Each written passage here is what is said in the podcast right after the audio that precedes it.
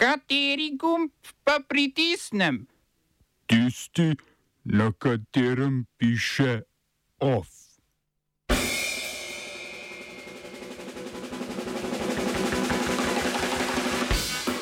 Mladi za podnebno pravičnost z javnim pismom nad neambiciozen osnutek novega energetskega in podnebnega načrta.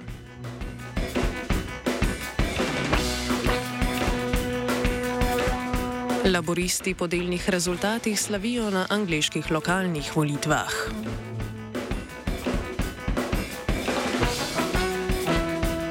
Prepovedi dronov v večini ruskih regij po nedavnih napadih.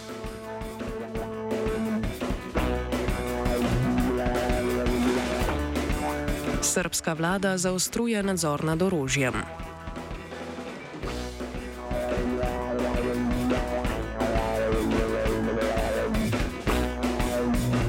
Na lokalnih volitvah v Angliji po delnih rezultatih slavi laboristična stranka, stolčke v mestnih svetih so pridobili tudi liberalci. Po znanih rezultatih volitev v 370. Eh, 73 od 230 mestnih svetov so Torici izgubili 216 sedežev in s tem večino v 13 lokalnih svetih, laboristi pa so pridobili 163 sedežev. Laboristi so večino dobili tudi v mestu Stovjak, svoji tradicionalni bazi, ki pa so jim jo na splošnih volitvah leta 2019 Torici speljali. 18. maja bodo potekale volitve v 11 lokalnih svetov na Severnem Irskem.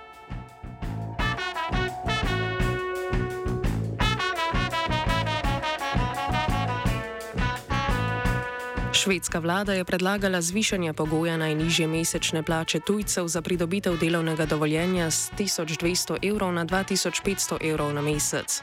Vsaj 30 odstotkov tujih delavcev na švedskem tega pogoja ne bi izpolnjevalo. Podvojitev zahtevanega dohodka še ni dovolj za švedske. Pardon, demokrate, ki v prihodnosti načrtujejo še dodatna zvišanja. V koalicijski pogodbi je določeno, da mora vlada pogoj zvišati na 3150 evrov mesečno. Ministr Ministrica za migracije Marija Malmer Stenergard je dejala, da je popolnoma nerazumno, da ljudje na Švedsko prihajajo z drugega konca sveta za mesečno plačo 1200 evrov. Sprememba pogoja želi vlada omejiti priseljevanje.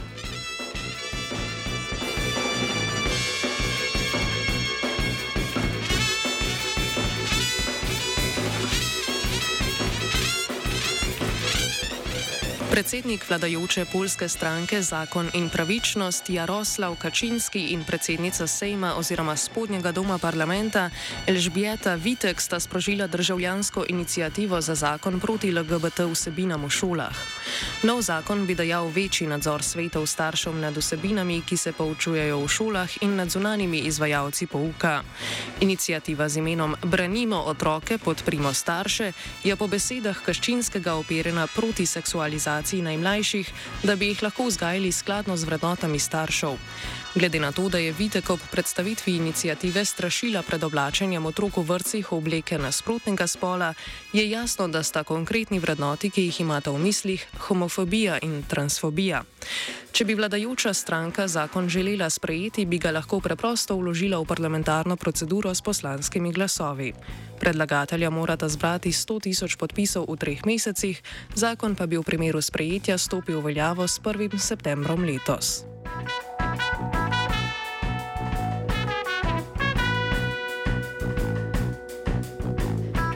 Odziv na nedavne napade z droni je 47 ruskih regij uvedlo prepovedi letenja dronov. V regijah blizu meje z Ukrajino prepovedi za drone veljajo od avgusta lani, v Moskvi in Moskovski oblasti pa je bila prepoved uvedena prejšnji mesec. V nekaterih regijah, predvsem na jugu države in v bližini meje z Ukrajino, je Ministrstvo za obrambo uvedlo začasno omejitev rabe zračnega prostora. V Brijanski regiji velja prepoved letenja za vsa zračna plovila, razen za vojno letalstvo. Na naftni rafineriji Ilski v ruski regiji Krasnodar je drugič v dveh dneh zagorelo po napadu drona.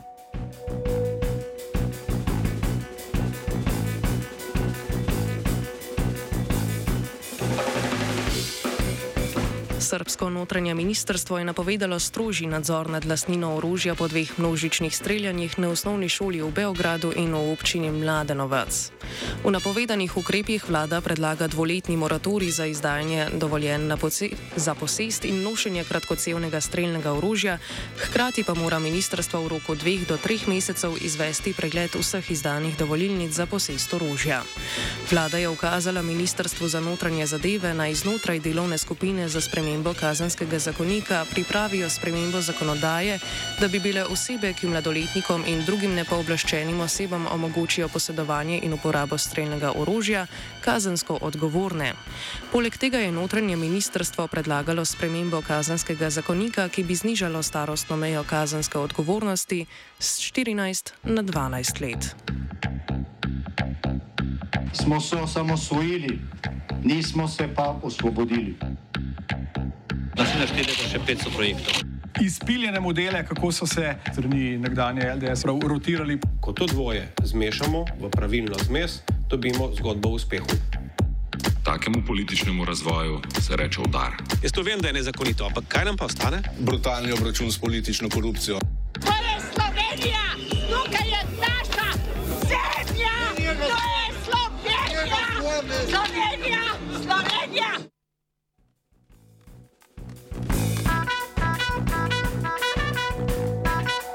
Mladi za podnebno pravičnost so Ministrstvu za okolje, podnebje in energijo predali javno pismo z odzivom na nov osnutek nacionalnega energetskega in podnebnega načrta.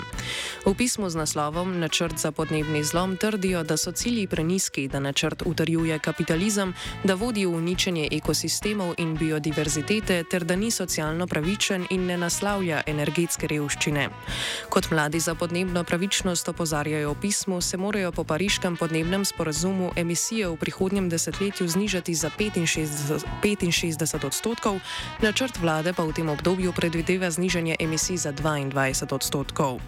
Zeleni prehod, po mnenju mladih za podnebno pravičnost, ne bi smel biti v rokah kapitala, ampak bi se morala povečati vloga javnih, skupnostnih in državnih akterjev.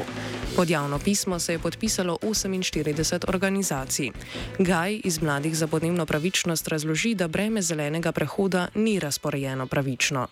Vladni načrt ne, ne predvideva neke pomoči ljudem, ki so že itak v stiski in bojo zaradi tega prehoda v bolj zeleno organizacijo družbe tudi pač nastradali lahko, a ne če stroške za ta zeleni prehod nosi povprečen posameznik, je, je to malo porazno, no, zaradi tega, ker tudi na koncu dneva nismo vsi enako odgovorni za podnebno krizo. Um, je tudi ta statistika, no, da je 71 korporacij, da je 100 korporacij odvis, odgovornih za 71 odstotkov vseh emisij od leta 88 naprej. Um, krivci za, za podnebno krizo so čist jasni no, in zaradi tega je tudi treba prek nekih uh, bolj progresivnih davčnih reform in, in podobnega dobivati uh, denar za zeleni prehod da se to res financira od tistih, ki so najbolj odgovorni za to, pa da ne nastrada poprečni posameznik zaradi tega prehoda. Sogovornik je prepričan, da v Sloveniji obstajajo možnosti za alternativne vire energije. Mislim, da v, v gibanju mislimo, da so vseeno neke alternative, da ni nujno treba sekati novih gozdov za biomaso, pa se pač za to uporabljajo lesne ostanke, pa da se ne okrni naravovarstvenih območij, no, kjer so tudi planirane te hidroelektrarne, če se ne motim. In pač naš poziv je sam, da se tudi premisli, no, kakšne so druge opcije, zaradi tega, ker pa obstajajo um, tudi mesta v Sloveniji, no, primerna za kakšne druge obnovljive vire energije. In tudi se nam zdi, no, da, da ne smemo loviti nekih projekcij porabe energije čez 30-40 let, ampak moramo tudi aktivno delati na tem, da nižamo porabo energije na splošno. Mladi za podnebno pravičnost so se v pismu pritožili tudi nad tem, da čeprav vlada organizira javna posvetovanja, potem ne upošteva nobenih predlogov nevladnih organizacij. Gaj opiše, kako je potekalo sodelovanje z vlado. Ja, v, mislim, bil je, bil je poslan nek vprašalnik, um, v katerem smo lahko podali mnenje na določene Um, dele tega nepna, um, ampak na velik nekih ključnih področjih niti nismo mogli podati mnenja, pa tudi malo smo bili zamejeni, no, kaj sploh lahko povemo, pa do kere mere. Um, ampak na koncu se je izkazalo na tem prvem branju, da so na koncu sam napisali MZPP, pa še tu pa tam, kjer druga organizacija, so pač opozorili, da to ni v redu, pa upoštevali interese kapitala in energetskega sektorja. Vse. Vlada je ustanovila delovno skupino za vključevanje tujcev, ki jo bo vodila državna sekretarka na notranjem ministrstvu Tina Heferle. Naloga skupine je, da do 27. oktobra pripravi strategijo za vključevanje tujcev, ki niso državljani Evropske unije, v kulturno, družbeno in gospodarsko življenje. V noveli zakona o tujcih, ki jo je državni zbor sprejel marca, je namen strategije utemeljitev tega, zakaj morajo tujci za pridobitev dovoljenja za prebivanje v postopku združitve družine izpolnjevati pogoj znanja slovenskega jezika na vstopni ravni. Sestavo delovne skupine opiše predstavnik civilne družbe v delovni skupini Goran Lukič iz delovske svetovalnice. Ja, zdaj, ko vidim ta delovna skupina za pripravo strategije za vključevanje tujcev, je predvsej pred, velika, z vidika raznolikosti ministrstva, torej tam so predstavniki ministrstva, tudi vlade, oziroma urada vlade za Republike Slovenije za skrbo in integracijo migrantov. Zdaj, kar se tiče samega, ko bi rekel, dela te delovne skupine, bi zagotovo, oziroma da zagotovo pričakujem, da se ta zadeva čim, čim prej začne z operativnim delom. A, in kar se tiče za same v bistvu priprave strategije, pa lažje zdaj povem, da zagotovo pričakujem, da to ne bo sam skupek želja, ampak da bo to operativni dokument, ki bo imel tudi finančni, finančni podstat oziroma finančno podporo, ki bo potrjena s ministrstva za finance. Do kakšne mere pa so vključene nevladne organizacije v to delovno skupino? Ja, nevladne organizacije pri veljavi za količino vključenih v to delovno skupino uh, so vključene uh, ne ravno v velikem številu, pravzaprav sem noter kot predstavnik civilne družbe, pravzaprav samo jaz uh, in to je to. Uh, tako da, kar se tiče celotne sestave, mislim, da je to noter okoli, tako bi rekel, kot 20 vse skupaj članov, od tega pač en predstavnik civilne družbe.